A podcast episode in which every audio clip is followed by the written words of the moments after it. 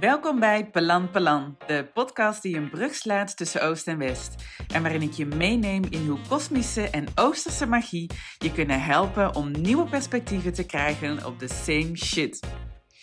Of je nu lichamelijke kwalen hebt, uitdagende persoonlijke gebeurtenissen meemaakt of dat je ergens nachts van wakker ligt. Zoals wij Indische zeggen, Pelan Pelan, rustig aan, neem gas terug en verruim je geest. Ja, welkom bij een nieuwe podcast. Fijn dat je luistert. Ik wil het in deze podcast gaan hebben over rouw. Nou, lekker binnenkomen. Maar goed, je luistert deze podcast natuurlijk niet voor niets. Misschien heb je te maken op dit moment met rouw. Ben je iemand verloren of um, het hoeft niet eens iemand te zijn. Het, het rouw treft ons eigenlijk allemaal in het leven. Het kan zijn dat je dus een dierbare bent verloren, maar het kan ook zijn dat je rouwt om een relatie die voorbij is, of een baan, of andere vormen van verlies. Het kan je gewoon diep raken op het moment dat er iets wat er altijd was, of iemand die er altijd was in dit leven, nu er niet meer is.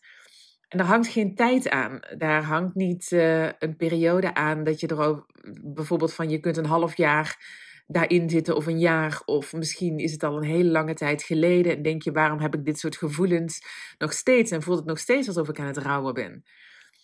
Want ja, goed, als ik één ding zeg maar zelf um, heb ervaren uh, toen mijn vader uh, overleed, dan is het wel dat rouw geen lineair proces is.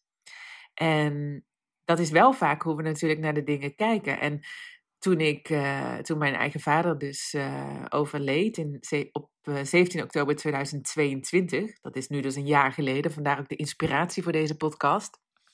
Toen um, ging ik lezen over rouw en ging ik lezen over, oké, hoe ga je om met zo'n groot verlies? En um, ik ken natuurlijk wel andere, of ik kende wel andere vormen van rouw afscheid van iets of iemand. Maar mijn eigen vader, dat gaf een soort nieuwe dimensie. Een soort, ja, het leek wel een stuk identiteit of zo, die, waar ik afstand van uh, mocht doen moest doen. Of nou ja, zo voelde dat in ieder geval. Um, dus ja, ik, ik ben heel veel gaan lezen en opzoeken over rouw. En ik las heel vaak van die teksten als rouw is de achterkant van liefde. Nou, die voelde ik in het begin helemaal nog niet. Moet je ook klaar voor zijn voor al dit soort teksten. Um, uh, maar ik las ook eigenlijk over de fases van rouw. En wat me opviel was dat we rouw heel vaak dus ook benaderen als een lineair proces. Zo van nou, eerst voel je boosheid of eerst voel je dit, dan voel je dat. Maar als ik verder ging lezen en ging lezen over verhalen van andere mensen die hiermee te maken hebben gehad of die hiermee te maken hebben, rouwende mensen, dan lees je ook eigenlijk overal terug dat rouw dus niet in een vorm te vinden is. En dat is ook meteen de disclaimer die ik in deze podcast wil geven. Dat het nooit natuurlijk is dat het een heel zwart-wit verhaal is. En ik hoop je vooral in deze podcast mee te nemen in wat mij enorm heeft geholpen om het afgelopen jaar ja, door te komen. Het afgelopen jaar om te gaan met het verlies van mijn vader, maar ook tegelijkertijd daar de um, krachtige, constructieve werking van te ervaren. Dus heel veel liefde voor jou als je momenteel nu in zo'n proces zit, of het nou lang of kort geleden is. En ja, eigenlijk het, als het net geleden, kort geleden is, dan, um, ja, dan, dan is het gewoon, kan het soms zo'n overvloedige stroom van emoties zijn die zoveel gelaagdheid met zich meebrengt. En natuurlijk is het voor iedereen anders. Alleen het kan wel heel nuttig zijn om deze emotionele reis te bekijken. Door, ja, door de lens van, van de Tao, zou ik bijna willen zeggen. En, um, of niet bijna willen zeggen, dat gaan we doen. We gaan bekijken hoe je rouw kunt benaderen door de lens van de Tao.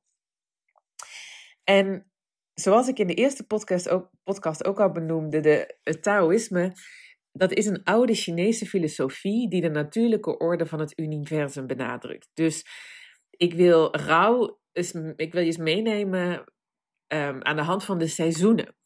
Dus um, zodat het je kan helpen om het verwerkingsproces nog dieper te begrijpen. En dat je nog veel meer in harmonie met dit rouwproces kunt zijn. Want als we in harmonie kunnen zijn met waar we staan en hoe je je nu voelt. En we ruimte kunnen geven aan alles wat er is dan zul je merken, dat heb ik in ieder geval zo ook ervaren, dat er nog steeds veel verdriet is en nog veel emotie. Alleen wel dat het voelt alsof je niet blijft meezeulen in die rugzak. En dat het op allerlei onbewaakte momenten ineens omhoog komt. Dan is het niet alsof je continu in zo'n achtbaan geslingerd wordt en niet weet waar je uit gaat komen. En dat je nog jaren misschien wel um, met deze last gaat lopen. Goed, en hoe ik het heb ervaren is dat uh, toen mijn vader net overleed, wat ik net al zei, toen um, kwamen er eigenlijk allerlei emoties naar boven. En ik vertel daar ook wat over in de eerste podcast.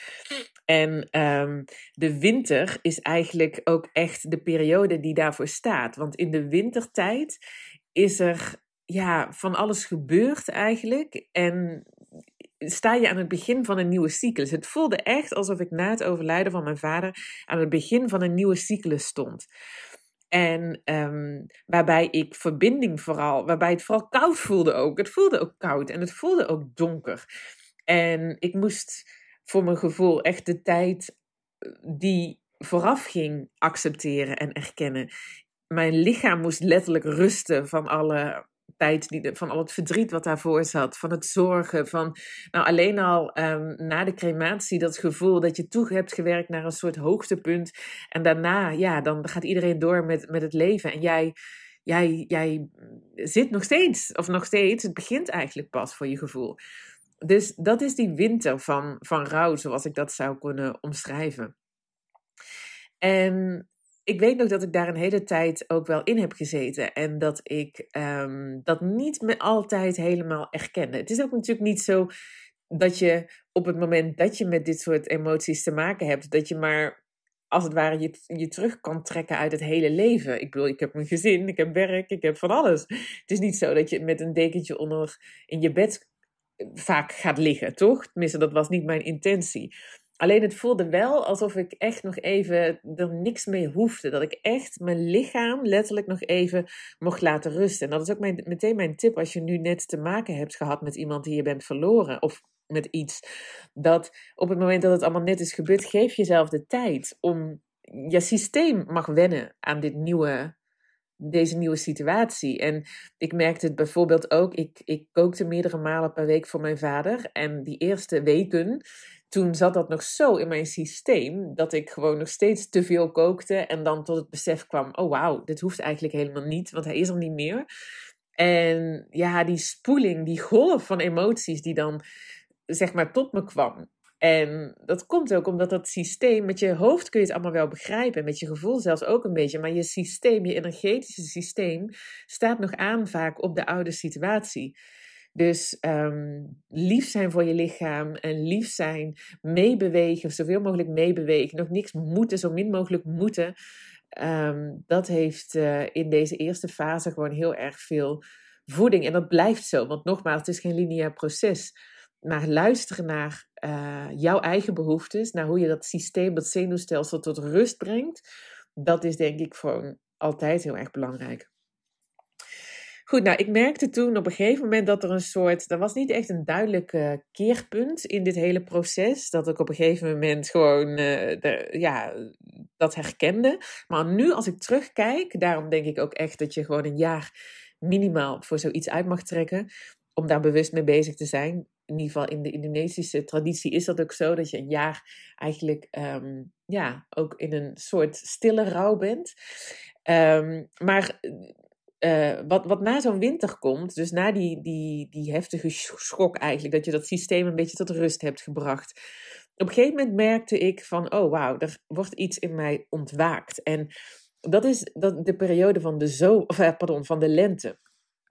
En in de Tao wordt dit seizoen geassocieerd met het element hout. Het is het seizoen waarin de natuur ontwaakt na een lange winter, hè, die, die lente.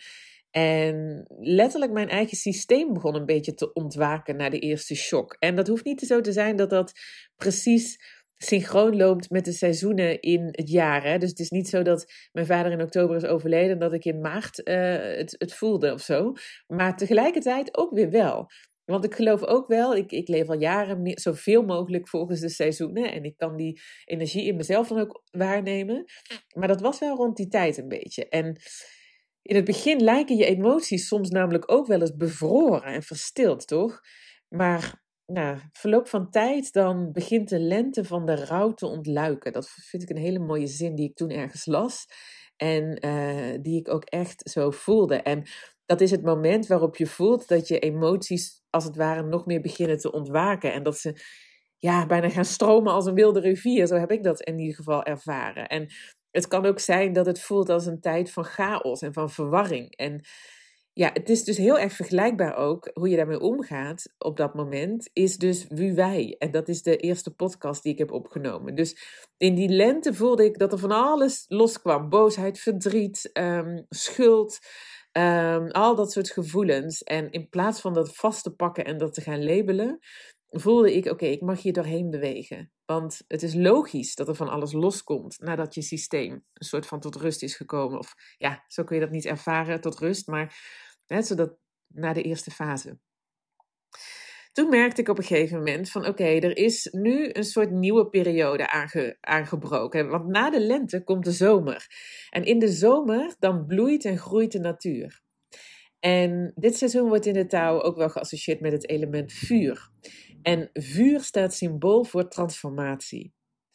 En het is in de rouw ook vaak het moment waarop we beginnen te groeien en waarop we een soort van acceptatie vinden. En waarin je gaat voelen van, oh, of ja, dat je eh, positieve herinneringen gaat koesteren. En dat je ook nieuwe manieren vindt om verbinding te maken met de wereld om je heen. Dat was het moment dat ik letterlijk, ja, weer een nummer kon luisteren van vroeger. Of um, waarbij ik iets terug kon halen van de crematie. En waarbij ik voelde dat er een stukje van mijn hart weer open kon gaan. Want net als de natuur in de zomer bloeit, ook onze harten gaan in dit rouwproces weer op enig moment een klein beetje bloeien. En deze periode, dat is dus een hele mooie periode van heling en van groei. En het kan er steeds gepaard gaan met ups en downs. Het is niet zo dat het dan voorbij is, maar je voelt wel op een nieuwe laag eigenlijk dat er iets ontstaat. Na de zomer komt de nazomer. En de nazomer is die periode dat er eigenlijk even niets gebeurt. En ik herinner me ook die fase als een fase waarin ik eh, niet echt dat diepe verdriet voelde van in het begin. Uh, waarin het gemis me ook niet overviel. Waarbij ik ook dacht van, oh, nou, misschien is, is, heb ik er doorheen bewogen, bij wijze van spreken. Nou, what was I thinking? Want ik bedoel, ik heb nu nog steeds wel eens dat ik gewoon um, overspoeld word door een emotie die, die nou ja, wel gegrond is. Niet, niet zozeer uh, zoals in het begin.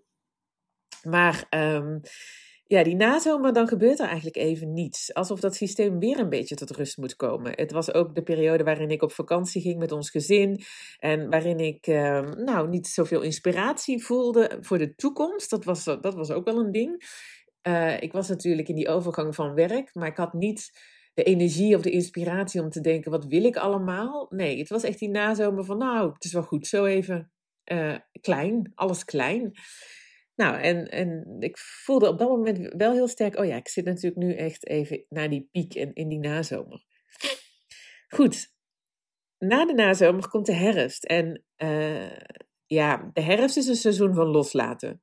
En dat is zowel in de natuur als, zo als in de rouw. En in de Tao is dit seizoen ook verbonden met het element metaal. En metaal staat voor, ja, voor uh, verfijning, voor uh, zuivering. En in die herfst beginnen we oude gewoonten en gedachten los te laten. En we gaan ons aanpassen aan een nieuw normaal zonder die persoon of de situatie die we hebben verloren. Dus ik ging me aanpassen aan: oké, uh, hoe is dat dan nu leven zonder een vader in dit leven, in deze dimensie? En um, ik vond het af en toe ook wel moeilijk, omdat je, ja, je bent natuurlijk, ik kan nog steeds heel verdrietig zijn. Maar ik voelde ook dat het wel weer ruimte, dat er ruimte kwam om langzaamaan vooruit te kijken en om te zien wat er nog meer is in het leven. En ja, net zoals bomen hun bladeren laten vallen, kunnen we in deze periode ook oude bagage loslaten en ons aanpassen letterlijk aan een nieuw leven. En die overgang, die vaak heel subtiel te, waar te nemen is in je lijf, dat is um, een overgang die denk ik heel vruchtbaar kan zijn. Want um, ja, het is ook een tijd van reflectie en van herinnering. En uh, vergelijkbaar ook met het Taoïstische concept van yin en yang, waarbij alles in balans is. En we kunnen aan de ene kant terugkijken op het pad dat we hebben bewandeld en de emoties die we hebben doorgemaakt. En het is ook weer een tijd om, ja, ik, ik voelde ook dat het weer tijd was om de verbinding met mijn vader in dit geval, die ik heb verloren, weer te voelen. En die herinnering opnieuw te eren. En soms was het heel donker en koud, maar in deze tijd was er ook veel innerlijke rust en contemplatie of zo. Ja, dat woord komt tot me, contemplatie. En ehm, het voelt ook alsof ik nu na dit jaar echt een nieuwe cyclus ben gestart. Waarin, dat voelde ik vorig jaar al met momenten, maar waarin ik klaar ben om de relatie met mijn vader, hij vanuit die andere dimensie en ik vanuit hier, om die opnieuw op te bouwen en opnieuw te gaan verdiepen. En op het moment dat er veel emoties zijn en er veel verlangens ook zijn, veel gemis, dan, ja, dan is dat een stuk lastiger als vanaf de plek waar ik nu ben, uh, ook met af en toe veel gemis en verdriet, maar wel vanuit een solide fundament. Zo voelt het in ieder geval. Alsof ik een soort gronding, een soort bodem heb bereikt. En dat is niet negatief bedoeld. En ik denk dus ook dat in de taal van rouw, dat erkennen dat elke emotie in elk seizoen van rouw een heel natuurlijk proces is, dat dat enorm veel waarde kan geven. En dat je dat ook niet alleen hoeft te doen. Ik heb ook hulp gevraagd gedurende dit proces. En uh, mijn deur staat ook open, uh, of mijn DM staat open. Als je nu op zo'n, um, ja, in zo'n fase zit, of als je in zo'n proces zit waarin je overspoeld lijkt te raken. Uh, rijk uit, zou ik zeggen. rijk uit en, en voel weer even waar je bent. Want dat is het heel vaak. Vaak als we weten waar we zijn in zo'n proces, dan is het ook makkelijker om ons eraan te, ja, over te geven. En ja, het is, ook, het is zo belangrijk om die stroom van rouw te respecteren. En dat het dus niet lineair is. En dat je jezelf ruimte kunt geven, ook in je leven. Dat je voorwaarden gaat creëren, zodat je ook kunt voelen, groeien, loslaten en herinneren. En alles is een individuele reis. Maar door deze principes, ja, deze principes kunnen je, als je het mij vraagt, wel helpen om in harmonie te leven met de emoties. En ook het hele herstelproces ook te begrijpen. En ja, het is echt een herinnering dat zoals de seizoenen ook veranderen, dat ook je rouw zal evolueren. Als je er ruimte aan geeft en als je er hulp bij vraagt. Want het is niet een proces wat je in je eentje moet doen. Dat gaat alleen maar groter worden dan. En ja, dus je hebt het nodig om ook te voelen en om ook de hoop te voelen en de vernieuwing na die donkere dagen. Dus dat gun ik iedereen. Dat gun ik echt iedereen. En nou, ik, uh, ja, ik ben benieuwd wat je, wat je aan deze podcast hebt uh, gehad. En ik hoop dat je er wat aan hebt gehad. En dat je uh, voelt dat het een, uh, een proces is wat ehm, onderdeel is van het leven, maar waarin je ook in staat bent om steeds meer in harmonie mee te zijn.